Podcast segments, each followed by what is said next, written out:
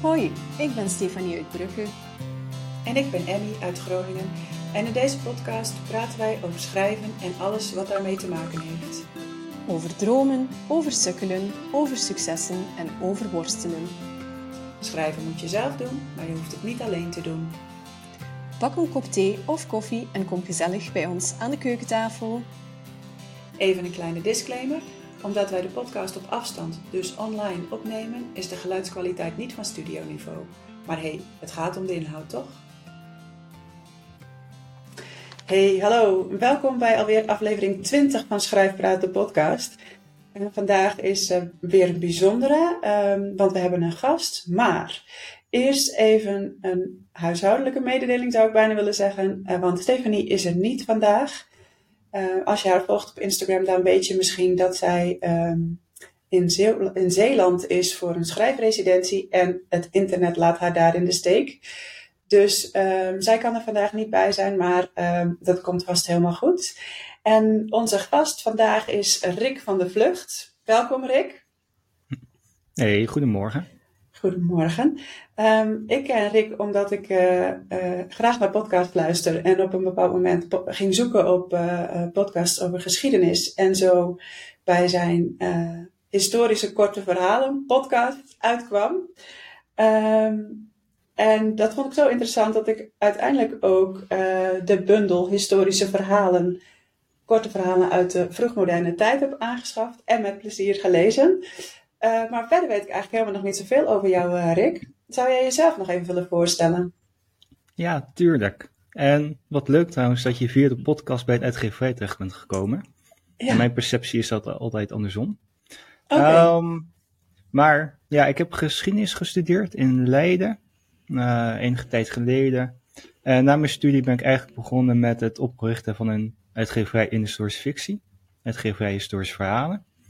Ja. En sindsdien uh, ben ik daar actief als redacteur en als uitgever. En ja, een jaar of twee geleden ben ik zelf ook begonnen met schrijven van een boek. Nou, het begon toch wel een beetje te jeuken om aan de zijlijn te staan. Ik dacht, ja, dat wil ik zelf eigenlijk ook wel. En daarnaast ben ik ook nog bezig met een boek te schrijven over hoe schrijf je historische fictie. Um, zo oh. doe ik er eigenlijk een beetje naast als een soort van extra projectje. Tof. Dat? dat? wist ik echt nog niet. Dat vind ik wel heel nee, leuk. Nee, dat weet uh, niemand. Althans. Oh, we hebben dus scoop. Ja, ja zeker. Wat leuk. Um, ja. Oké, okay, dus jij hebt geschiedenis gestudeerd en toen, uh, dat, dat is denk ik een beetje uh, kort, ben je een uitgeverij gestart. Die, ik snap dat je hè, dan vanuit geschiedenis geïnteresseerd bent in historische verhalen, maar mm. waarom zet je een uitgeverij op? Ik bedoel, dat is niet iets, iets wat heel veel gebeurt, denk ik, of wat...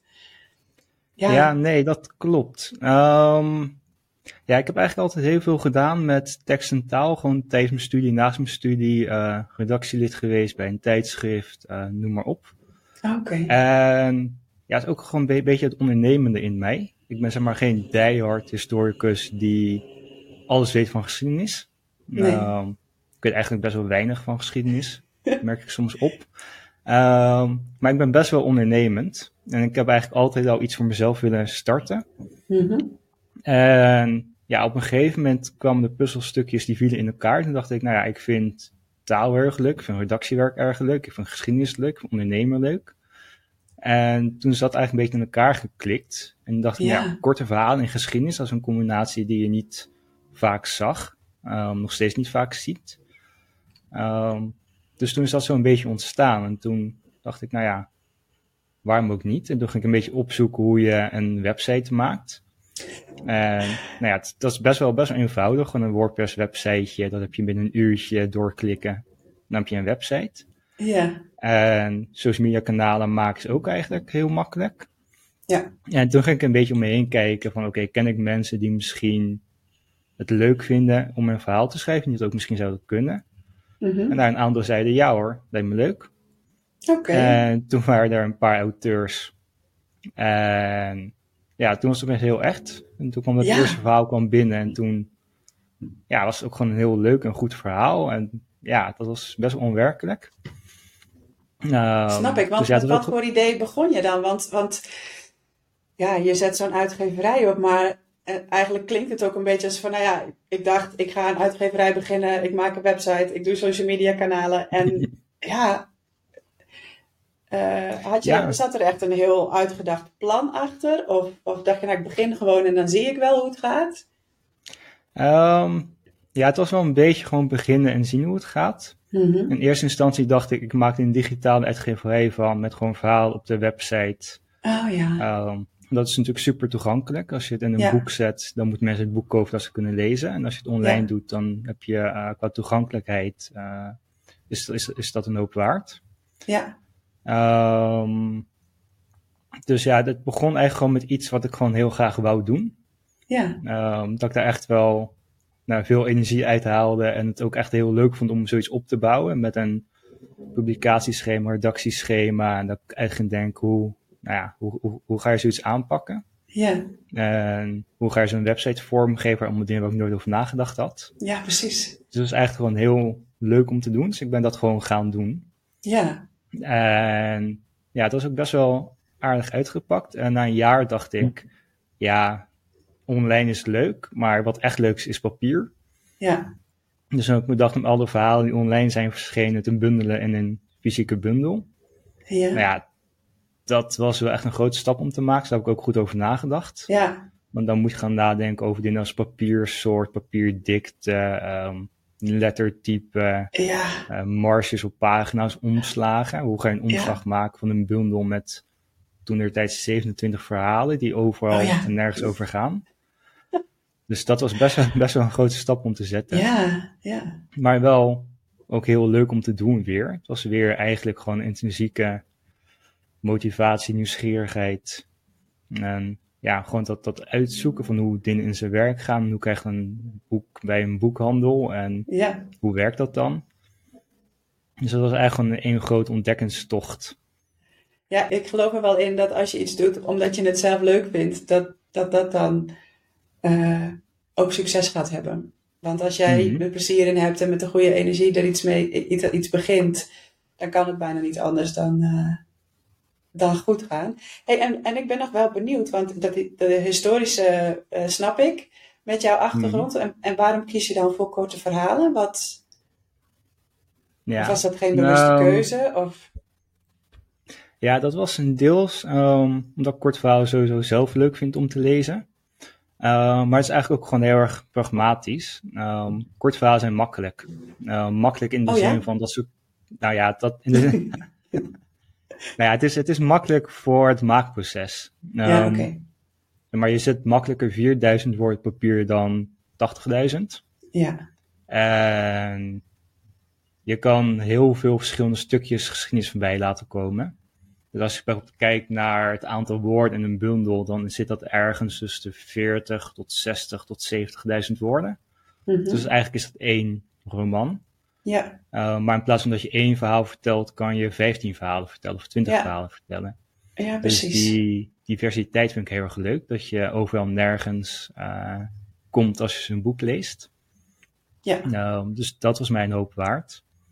En wat ik nu ook heel erg zie is dat het schrijven en het redactie van zo'n verhaal is gewoon heel erg veel werk. Ja, Um, het is een heel intensief traject, zeker. Um, ik kan best wel een, nou ja, laat ik zeggen, een kritische redacteur zijn. Um, dat een verhaal die bij ons verschijnt, dat is vaak versie 8 of 9 of soms versie 10. ja, Um, dus dan moet je na 8, 9, 10 keer zo'n verhaal en redigeren en herschrijven.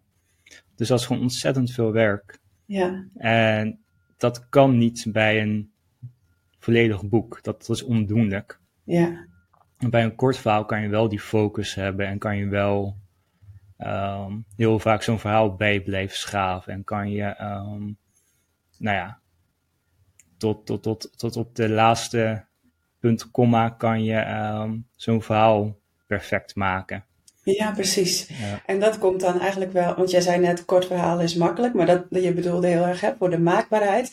Want Ja, ik ja. weet niet of je het weet, maar ik heb afgelopen jaar eh, veel korte verhalen geschreven voor mijn website. En ik vond het dus best heel lastig om, sowieso om het kort te houden. Eh. Ik heb ehm, meerdere verhalen uiteindelijk in drie delen geplaatst. Omdat het zulke lange, korte verhalen waren geworden. Dat het niet meer in één keer te lezen was eigenlijk. Want dat leest gewoon, het is dan te lang om op een website te lezen. Hmm. Ehm, omdat je, je wil je personages uitdiepen, je wil een spanningsboog opbouwen, je wil Ja. ehm, eh, hè, van alles wil je kwijt in zo'n verhaal. Je wil historische feiten kwijt, je wil het, je wil het een beetje lekker leesbaar maken. Ehm, Mhm. Ja, ik vond het super lastig om dat echt binnen, binnen nou wat is het, 1500, 2000 woorden te houden. Wat, Ja, wat, hoe- wat is jouw ervaring daarin? Ehm, ja, dat je keuzes moet maken. En dat Ja. je inderdaad ehm, beperkt bent doordat je een kort verhaal kiest als vorm. Mhm. En daardoor kan je gewoon heel veel kan je niet vertellen. Ja, Dus je moet een heel klein conflictje nemen met weinig obstakels. ehm, een klein stukje ontwikkeling van een personage, niet zoveel personages. Dus nee, ja, je moet jezelf erg afbakenen. ja, Ehm, en ja, dan moet je inderdaad veel, kan je, kan je niet vertellen. Ehm, en ik herken wel heel erg wat je zegt hoor. Ik heb ook vaak zat gehad dat ik zo'n kort verhaal lees en dan denk ik van ja, hier staat eigenlijk veel meer in.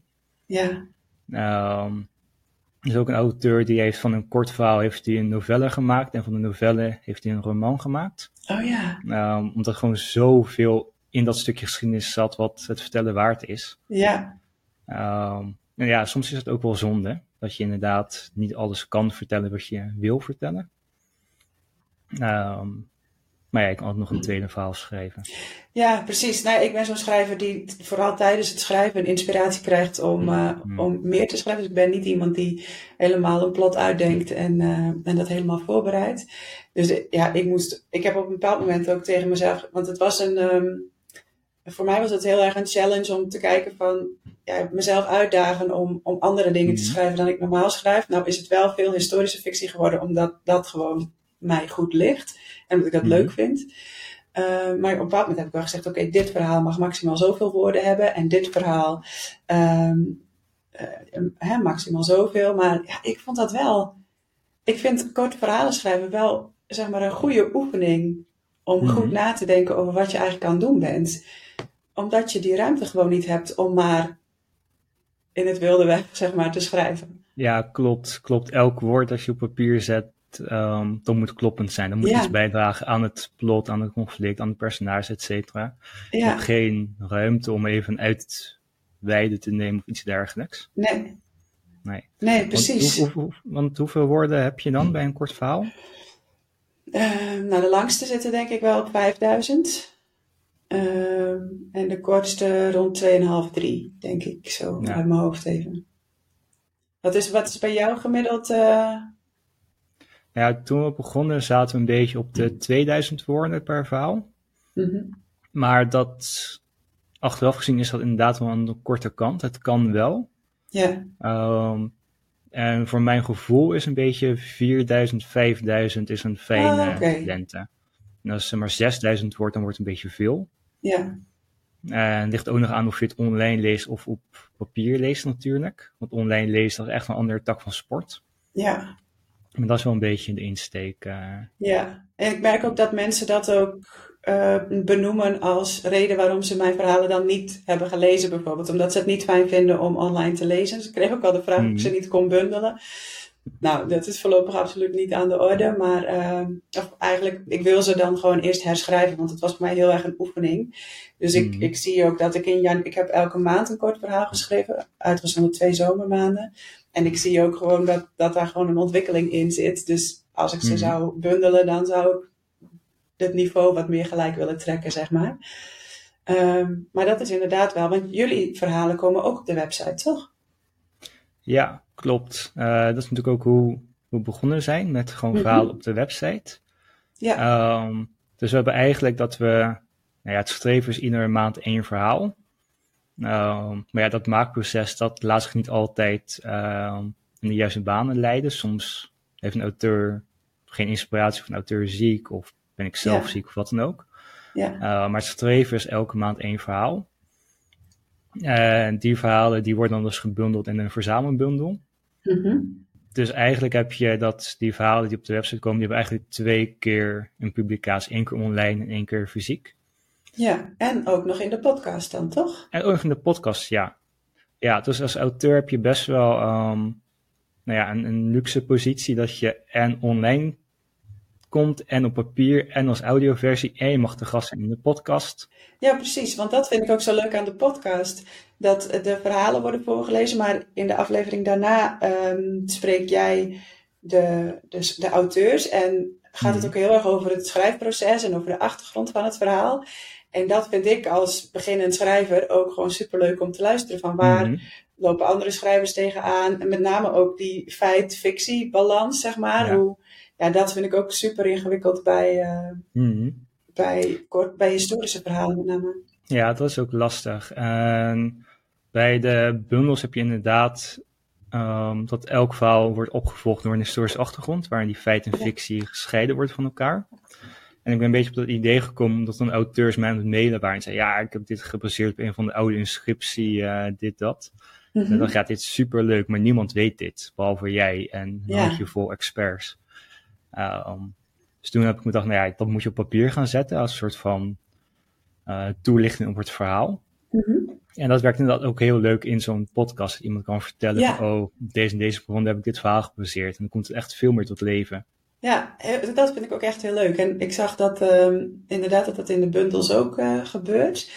Um, heb je ooit wel eens overwogen om, om echt grotere romans, zeg maar, ook uit te gaan geven? Ja, ja maar dat idee speel ik um, elk half jaar wel een keertje. ja. En ergens voelde het wel als een stap die ik ooit een keer zou moeten maken. Anderzijds denk ik, ja, schoenmaker, blijf bij je leest. En doe gewoon waar je goed in bent, waar je bekend om staat. En dat is ook gewoon oké. Misschien moet je ook wachten tot je weer dat gevoel krijgt wat je ook had van uh, beginnen met de uitgeverij en later met papieren mm. uitgaves doen. Uh, ja. Dat je dat gevoel weer echt hebt van dit wil ik, hier mm. heb ik mhm. zin in. Ja, inderdaad. En waar ik met name dan ook tegenaan loop is dus dat maakproces. Dat ja. um, zo'n kort verhaal, die gaat dus zomaar tien keer op en neer. Mm -hmm. Maar bij een roman kan dat niet. Maar ik heb daar niet de tijd voor om honderdduizend woorden tien keer te lezen. Dat... Nee, nee. Dus dan heb je een situatie waarin eigenlijk um, het beginniveau van een uh, manuscript moet vele malen hoger zijn dan wat het nu is. Ja. Want nu heb je eigenlijk gewoon een, een redactieproces waarin dat uh, niveau omhoog getild kan worden. Ja. En bij een roman heb je dat veel minder. Ik ben dan toch wel iemand die gewoon ja, toch de lat wel hoog wil leggen. Ja omdat, nou ja, toch gewoon de naam van de uitgeverij staat op het spel. Uh, de naam van de auteur staat op het spel. Mijn eigen naam staat op het spel. Ja, tuurlijk. Ja, dan ben ik toch sceptisch. En dan denk ik van, ja, moet ik dan inderdaad romans gaan uitgeven, er ook, maar misschien niet die kwaliteit kan waarborgen, omdat ik niet de tijd heb om uitvoerige redactie te doen. Dus dat is een beetje waar ik dan tegenaan loop. Dat is een beetje het dilemma. Ja, want je doet alles nu alleen. Historische verhalen, dat, dat ben jij, zeg maar, echt. Ja, grotendeels. Ik heb natuurlijk Kei, die uh, de podcast uh, host. Ik zeg zelf altijd dat ik de co-host ben, hij is de host. En hij doet het editproces van de podcast en hij leest vaker mee. En hij heeft natuurlijk de nieuwe bundel gehad over de Tweede Wereldoorlog. Ja, ja. En daarbij heeft Kei, maar ook uh, Paul Christian Smith. Um, ja? Die hebben allebei een deel van de redactie op zich genomen. Oké. Okay. Dus nu hebben we allemaal vijf verhalen gedaan per persoon. Dus ja, ik heb, al, ik heb het altijd zelf gedaan. Mm En nu is het wel dus dat ik af en toe wel een beetje hulp uh, inschakel. Want Kai en Paul Christian zijn ook wel vaste auteurs bij jou volgens mij, hè? Ja, klopt. Paul heeft een middeleeuwbundel geschreven en die, uh, volgens mij wat is het, denk ik 40, 50 verhalen geschreven, historische verhalen. Dat is echt, dat is echt bizar. Ja. En Kei die uh, schrijft ook veel, die heeft aan de oudheidbundel uh, meegeschreven. Oh ja. En die is nu bezig met een verhaal, waarvan ik uh, vandaag een tweede versie verwacht. Dus ik ben Kijk, spannend. Want, want dat zijn dan twee um, auteurs die, die veel voor jou schrijven, maar hoe komen mensen bij jou terecht of hoe komen verhalen bij jou terecht? Um, ja, dat wisselt een beetje. mensen kunnen sowieso gewoon een verhaal opsturen. Okay. Dat kan altijd. Dat, ehm, dat kan. Ehm, ik vraag wel eens auteurs. Ehm, ik heb wel een lijstje van wat grotere namen van die ik graag een keer voorbij zou zien Oh, komen. En af en toe verzamel ik alle moed bij elkaar en dan vraag ik van, joh, wil je een verhaal schrijven? Dus dat is heel leuk. Ja. En inderdaad een beetje een vast groepje auteurs die inderdaad vaker schreven, eh, van wie ik ook weet wat ik kan verwachten. ja, snap ik. Ja. En nu ook met die schrijfwedstrijd die we hebben uitgeschreven, dan heb je ook weer heel veel nieuwe auteurs die eh, vol enthousiasme aan zo'n wedstrijd meegedaan hebben. Nou ja, 15 Ja. hebben gewonnen. ja, want dat gaat over die laatste bundel, hè, over de Tweede Wereldoorlog. Daarvoor hadden Ja, jullie een wedstrijd klopt. uitgeschreven. Ja. Klopt, klopt. En hoeveel verhalen komen er dan binnen bij zo'n wedstrijd? Want er blijven Dat is er maar een beetje 15 geheim, hè? Oké. Nee, ehm, nee, ik heb het wel vaker gezegd. eh, het waren er 152. Zo. En dan moet je een Ja. keuze maken en dan blijven er 15 over. Ja, dus dat Ja. is best wel een, eh, een uitdaging. Ja. Dus wat ik heb gedaan is gewoon eerst een selectie gemaakt bij verhalen die of niet voldoen aan het format. Dat het een gedicht is of een verslag met foto's. Nou ja, dat kan natuurlijk gewoon allemaal aan de kant. Ja. En vervolgens inderdaad een selectie maken van verhalen die echt goed zijn. Verhalen waar een beetje twijfelt. Ja. En dan ga je zo een beetje wegstrepen. En volgens mij hebben we een lijst van 30 verhalen. Waarbij we een discussie moesten met elkaar van hey, welke verhalen komen uiteindelijk in de bundel? Ja, want dat waren dan zeg maar kwalitatief echt goede verhalen. Eh, Ja. Maar dan moet je gewoon nog kiezen van welke onderwerpen spreek ik het meest aan. Of wat past het best in deze, in deze bundel. Ja en, dan, ja, en dan zie je ook gewoon dat smaken verschillen. ja. Ik zelf hou wel een beetje van een wat meer ja, poëtisch taalgebruik, wat Mhm. wolliger, wat, wat, wat meer sfeer. Ehm, zo schrijf ik zelf ook een beetje. Maar er zijn ook mensen die daar absoluut niet van houden. Ja. Ehm, zoals bijvoorbeeld Kei. Oké. Nou ja, dan heb je dus een discussie over een verhaal dat ik bijvoorbeeld heel goed vind en dat Kei heel slecht vindt, of andersom. Grappig is dat. hè? En ja, en dan moet je ja, dus een beetje elkaar gaan overtuigen, een beetje gaan passen en meten. Een beetje, nou ja. En dan ga je inderdaad ook kijken naar, oké, wat, wat zijn de onderwerpen, zodat je een goede onderwerpverdeling hebt in die bundel. Mhm. En nou ja, zo ga je een beetje, nou ja, elkaar overtuigen van verhalen. Want volgens mij hadden jullie ook wel aangegeven bij de wedstrijd van het moet, het, we vinden het leuk als het gaat over gebeurtenissen in de Tweede Wereldoorlog die nog niet zo bekend zijn. Dus daar kun je Ja. ook al op selecteren dan, denk ik. Ik kan me voorstellen dat mensen dan toch ook wat grotere gebeurtenissen die wel wat breder bekend zijn al als Mhm. onderwerp nemen. Ja, dat is altijd lastig als je zo'n themabundel eh samenstelt. Dan wil je ergens wil je een bundel met verhalen die mensen nog niet kennen. Ja, Maar je wil ook wel verhalen erin die ehm, mensen juist wel kennen, die wel aanspreken. ja, Bijvoorbeeld zo'n vroegmoderne bundel. ehm, daar moet je iets in doen over ehm, een componist. ja, Of daar moet eigenlijk iets in over ehm, ontdekkingsreizen of over Ja. slavernij. ja, Ehm, anders is een bundel ook weer een soort van niet compleet. klopt. Ja, Nou. er moeten wel wat van die onderwerpen in zitten die mensen kennen, maar waar ze misschien meer over willen lezen. Zo. Juist, Ja. inderdaad. En dan liefst met een leuk haakje. Omdat je toch een thema hebt dat wel eh, bekend is, maar met net een haakje, een invalshoek, die mensen nog niet kennen. Ja, Maar of dan ja, een oorlogsbundel zonder een eh, verzetsverhaal zou ook gek zijn, bijvoorbeeld. Ja. Dat. ja, Dus ja, dat is altijd een beetje zoeken naar, naar die juiste balans.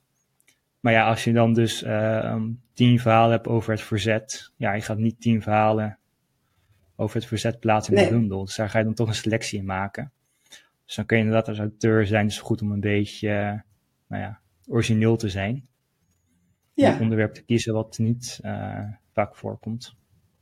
Ja, dan heb je, als de kwaliteit ook goed is, wel wat meer. Maar dat is denk ik sowieso ook in het hele uitgeefvak eh, zo. Dat je wel iets moet hebben wat anders is dan, dan wat de meeste mensen doen, zeg maar. Anders Hmm. val je ook bij de andere uitgeverijen natuurlijk niet op. Ja en nee, denk ik. Oké. Want er zijn, bijvoorbeeld als, als, kijkt naar historische fictie, zijn er wel gewoon onderwerpen die het gewoon goed doen. Ja, Zoals bijvoorbeeld de oorlog. Heel veel succesvolle historische fictie gaan over de oorlog. Gaat over ehm, wat er allemaal afspeelt toen der tijd. of het gaat over de oudheid. Dus ik heb het idee dat verhalen over keizers of verhalen over de oorlog, dat dat uh, verhalen het goed doen. Ja. Ehm, dus dan valt ook iets voor te zeggen om daar, daarvoor te kiezen. Ja. ja, dan moet je misschien weer met iets anders, met je schrijfstijl of met de invalshoek of daar weer mee, mee opvallen, zeg maar. Ja, ik heb zelf mijn, mijn eigen boek gaat over een obscuur stukje geschiedenis uit uh, het is het zevende eeuw na Christus in Constantinopel. Ja. Wat echt niemand kent. Nee, precies. Ik moest het ook echt even opzoeken toen ik, uh, toen ik las over jouw schrijfplannen. Ja, ja en het is, het is super, het is super leuk. Er, er gebeurt ontzettend veel. Uh, er is heel veel politiek gaande. Er is verval, het is armoede, het is oorlog. Uh, ja. Het is super boeiend. Ja. Maar ik ga er wel een klei van hebben om dit te slijten bij een uitgeverij, denk ik. Ja, ja. Um, omdat je, nou ja, ja, je moet toch iets harder werken om dat verhaal te kunnen verkopen. Ja. Nou, ik denk dat het wel goed komt. Dat zeg ik hoopvol. Ja, tuurlijk. Als je er zelf niet in gelooft, dan, uh, dan wordt het niks natuurlijk. Inderdaad. Maar ik had mezelf ook makkelijker kunnen maken door um, hetzelfde verhaal te vertellen, maar in een setting die wat bekender is. Oh ja, ja. Want hoe, hoe ver ben je met je schrijfproces? Je bent een jaar of twee bezig, zei je net. Ja, ja, zoiets. Ja, nee, ik, ja. ik, moet, ik moet een beetje lachen. Nee, het gaat op zich heel goed. Ja, ik heb al een paar keer gedacht, ik ga het afmaken in de komende maanden. Dat is al een paar keer niet gelukt. nee, in principe staat, alles staat op papier. Ik heb het allemaal een paar keer herschreven. Oké. Ehm, maar ik merk heel erg dat het herschrijfproces, dat is een beetje eindeloos. Ja. Ehm, telkens als ik er weer naar kijk, ehm, dan zie ik weer nieuwe dingen. Ja. En dan denk ik, oh ja, nee, het is echt goed zo. En dan lees ik dat twee maanden later weer en denk ik, nou ja, mm, toch niet helemaal. Ja. En ja, dat is dus wel, nou ja, ik weet niet, dat, dat, dat beangstigend me ook wel. Want dan denk ik, ja, wanneer is het dan wel goed? Ja, precies. Dat is wel heel herkenbaar inderdaad. En je moet op een bepaald moment gewoon een punt zetten en, nu, en zeggen, nu is het klaar en nu ga ik ermee de boer op en dan zien we het wel. Want ik, Ja. ik heb hetzelfde, ik ben ook al voor de zoveelste keer aan het herschrijven en nu denk ik weer bij sommige passages echt, hoe heb ik dit kunnen schrijven? Hoe heb ik ooit Mhm. kunnen denken dat dit oké was? En eh, ja, ik denk, soms ben ik, ben ik ook even een paar maanden met andere dingen bezig en dan, ja, dat is aan de ene kant heel goed, want dan kan je soms ook even weer Mhm. afstand nemen van het verhaal en dat maakt het herschrijven voor mij ook makkelijker. Aan de andere kant, ja, ontwikkel je je in die paar maanden op de een of andere manier ook weer, waardoor je ook dan weer denkt, "Pff, nou, ik kan wel weer opnieuw beginnen. Ja, exact. Ja. exact. Maar hoe ga jij daar dan mee om? Ja, ik heb nu, ehm, ik ben in maart vorig jaar zelf benaderd door een uitgever, do- doordat hij mijn eh, korte verhalen had gelezen, de eerste drie, denk ik. Ehm, en zij hebben drie hoofdstukken van mijn manuscript toen gelezen en heel veel Mhm. feedback en, en advies gegeven. En op basis daarvan moesten eigenlijk het hele verhaal wel eh, eh, op de kop, zeg maar. Dus ja, Mhm. dat is sowieso al, er ging één hele verhaallijn uit en ik, er moest een nieuwe soort ehm, verhaallijn weer in om het niet helemaal van, chronologisch van A tot Z te laten zijn, zeg maar. Eh, dus daar ben ik nog steeds mee bezig, maar doordat er nieuwe hoofdstukken tussenkomen, moet het ook weer Mhm. kloppen wat er in de hoofdstukken die ik al had staat. En daardoor ja, moet ik daar ook steeds weer. Het zijn soms kleine dingen, maar die wel moeten veranderen, Mhm. omdat het anders gewoon niet klopt. Dus ik ben nu weer halverwege, net over de helft. Ehm, en ik heb wel besloten dat dit voorlopig de laatste herschrijfronde is. Nu, ik ga het straks nog één keer helemaal doorlezen. Misschien ga ik nog even iemand vragen om het door te lezen. En dan moet het gewoon klaar zijn. En dan stuur ik het opnieuw op naar die uitgever. Dat ehm, was de afspraak. En dan, geen idee. dan is Mhm. het eh, niet meer in mijn handen. Nou, dus dan heb je gewoon besloten, dit is de laatste keer dat ik het herschrijf. En dat is gewoon klaar, punt. Ja, nou ja, komma denk ik. Kom maar. Niet punt, maar komma. Want ja, weet je, als iemand dan nog weer het leest en toch nog weer dingen heeft die. eh, maar omdat je, ik merk ook als ik zo vaak herschrijf, dat je soms ook het, de, de grote lijn een beetje kwijtraakt. Ehm, dat, dat ik me ook kan voorstellen, misschien valt het wel mee hoor, maar ik kan me ook voorstellen dat iemand het leest en denkt, huh, maar nu klopt, dit klopt zo niet of zo. Dus dan, Mhm. ja, als dat zo is, dan moet ik natuurlijk nog een keer. Ehm, maar in principe is dit de laatste echte grote herschrijfronde, ja. Oké, oké. En is dit dan het tweede boek waar je aan werkt? Nee, is het eerste nog steeds, ja. Het eerste. Want je Ja. was bezig met een drieluik, toch? Ja, een serie van drie boeken inderdaad. Dit is het eerste en ehm, ja, daar ben ik nu ook 2,5 jaar denk ik mee bezig met tussenposes. Want ik moet zeggen, de podcast heeft de afgelopen maanden ook veel tijd eh, in beslag genomen. Mhm. Eh, maar ik heb mezelf wel een, nu een deadline gesteld. Dus het eerste kwartaal van, eh, van dit jaar moet het gewoon klaar zijn. Ehm, en voordat ik het naar de uitgever stuur, wil ik eigenlijk ook boek 2 en 3 nog wat verder uitwerken. Zodat ze daar ook wat meer een beeld van, Mhm. Van hebben. Wat ze daarvan kunnen verwachten. Want daar hadden ze ook al wel wat tips over gegeven. Dus ehm, Mhm. ja, Ja, ik vind het wel knap hoor, dat je dan dus elke maand een kort verhaal schrijft en ook nog aan je manuscripten werkt en ook nog een tweede en een derde op de planning hebt. Ja, nou, ik ben in 2020 begonnen met dit boek. Eh, eigenlijk helemaal niet omdat ik een boek wilde schrijven, maar nou ja, dat heb ik in de podcast al heel vaak verteld, dus dat ga ik nu niet helemaal herhalen. Maar toen kwam er een, een boekidee. En dat, dat, wat ik je net al zei, ik schrijf en dan komt de inspiratie. En dat werd zo groot dat ik dacht, dit past helemaal niet in één boek. Dus dit moeten Mhm. twee boeken en toen drie. Eh, en nu wordt het een serie over drie generaties vrouwen. Eh, waarvan dit eerste boek dus zich afspeelt ongeveer tussen 1870 en, en 1914. Ehm, het tweede boek, zeg maar, tussen 1914 en, en 1940. En het derde boek speelt zich dan Mhm. ook in de Tweede Wereldoorlog af. Ehm, ik heb, in mijn korte verhalen is de Tweede Wereldoorlog ook vaak een onderwerp. Ehm, ja, dus het is, en ik heb nog een gezin met drie kinderen, dus het is, eh, Mhm. het is zoeken naar tijd. Ja, tijd is schaars. ja, zeker. Daarom heb ik nu ook, ben ik nu voor dit jaar, want ik heb nog overwogen om dit jaar door te gaan met die korte verhalen, maar dat heb ik dus niet, eh, niet gedaan. Dat, dat past gewoon niet allemaal Mhm. met de podcast ook nog erbij. En, ehm, ja, ik, ik heb nu mijn dagen ook weer gestructureerder, dat ik echt weer weet, ma- dinsdag en woensdag zijn schrijfdagen en dan schrijf ik aan mijn manuscript. Ehm, ja, je moet gewoon daar iets op verzinnen om dat te kunnen doen. Mhm. Maar dat heb jij natuurlijk ook, want jij hebt en de korte verhalen, de bundels, de, alle andere zaken rondom een uitgeverij. Ik neem aan dat er achter Mhm. de schermen ook nog wel meer dingen gebeuren dan verhalen lezen en reageren. Ja, ja, dus klopt, eh, klopt. heb jij nog, slaap jij of slaap jij niet meer? Nou ja, ik ben, eh, ik ben dol op slapen, dus dat, eh, is dat is zeker goed. Oh, Nee. Ja, nee, het is inderdaad, ja, soms, soms is dat puzzelen qua, qua tijd. ja, En dan zeker als ik dus zo'n tweede boekproject erbij heb. Dus ja, het is vaak ehm, een beetje keuzes maken ook. ja, Of die uitgeverij gaat vaak in een piek. oh ja, Vaak zijn er een paar auteurs die dan tegelijkertijd een verhaal opsturen. Dus dan ligt daar even de focus op. Of dan komt er een bundel uit. Nou, dat is ontzettend veel werk. ja, En dan zat er even wat minder. En dan focus ik meer op eh, het schrijven van mijn eigen boek. ja, En nu ben ik meer bezig met het ehm, hulpboek over historische fictie schrijven. Omdat dat nu gewoon in mijn hoofd zit. En dat wil ik eruit hebben. ja. Dus daar ben ik nu meer op aan het focussen. Dus mijn eh, fictie, dat ligt nu even. Dus ja, het is een beetje eh, ja, afwisseling eigenlijk. Ik ben wel heel benieuwd naar dat, eh, dat nieuwe project van je, van eh, zo'n hulpboek voor historische fictie. Is dat echt dat je, dat je, zeg maar, het boek wat ik twee jaar geleden had willen lezen voordat ik begon over, bedoel, gaat dat bijvoorbeeld over hoe doe je efficient research? Want dat, dat had ik best kunnen gebruiken, Mhm. kan ik je vertellen. Ja, ja.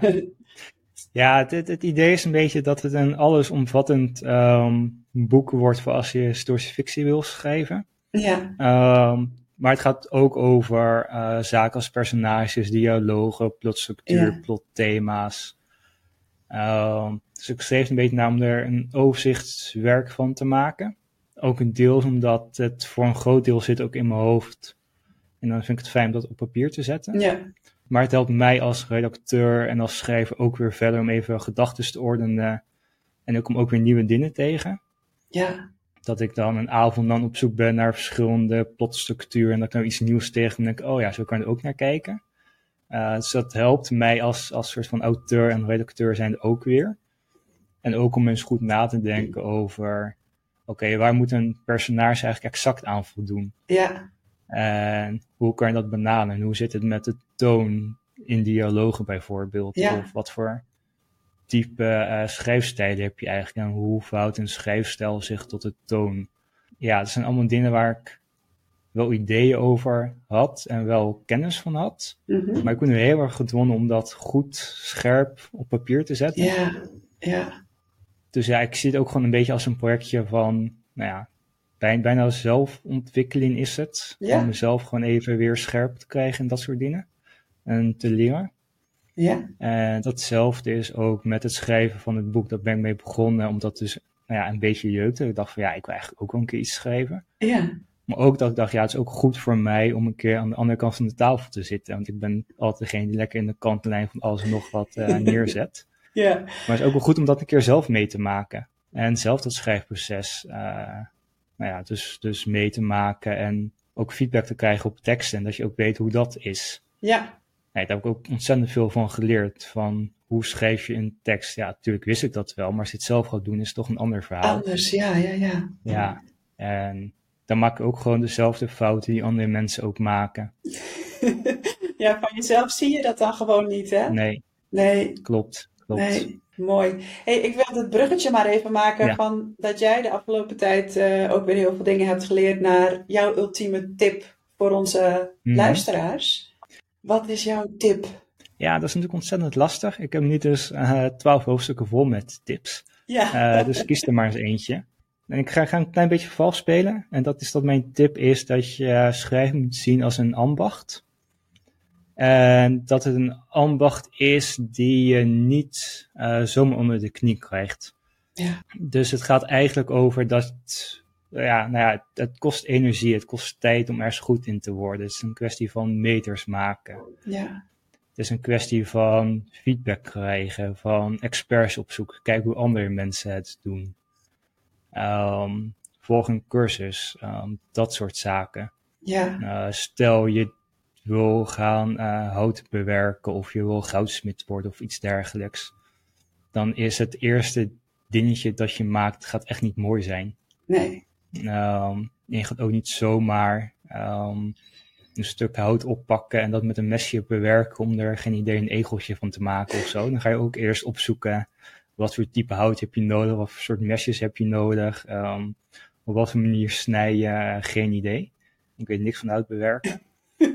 maar, maar het is denk ik wel goed om dus te beseffen dat schrijven echt gewoon een vak is. En dat kan geleerd worden. Je kan er gewoon boeken over lezen, je kan er beter in worden. Er zijn gewoon vaste technieken, eh, methodes die je kan toepassen. ja, Ehm, dus ik denk dat een goed schrijfwoord voor 80% is gewoon hard werken. En misschien 20% is dat een beetje aanleg, talent, eh, creativiteit.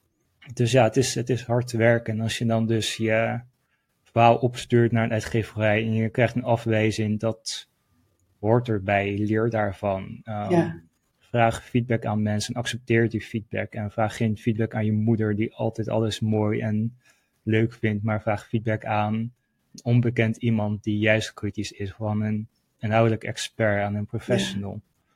Ehm, dus ja, samenvattend, ja, zie schrijven als een ambacht. En ja, pak het dus ook gewoon professioneel aan. Ja, ik vind dat een hele mooie metafoor, want ik zie dat dan meteen voor me met dat hout bewerken. Dat je dan allerlei machines aanschaft en allerlei eh, eh, soorten hout. En dat je daar dan zit met dat spul en dat je denkt, ja, dat je dan dus gewoon Ja. niet weet wat je daarmee moet. En, en bij schrijven is het heel Mhm. makkelijk, want je hebt een pen nodig en papier.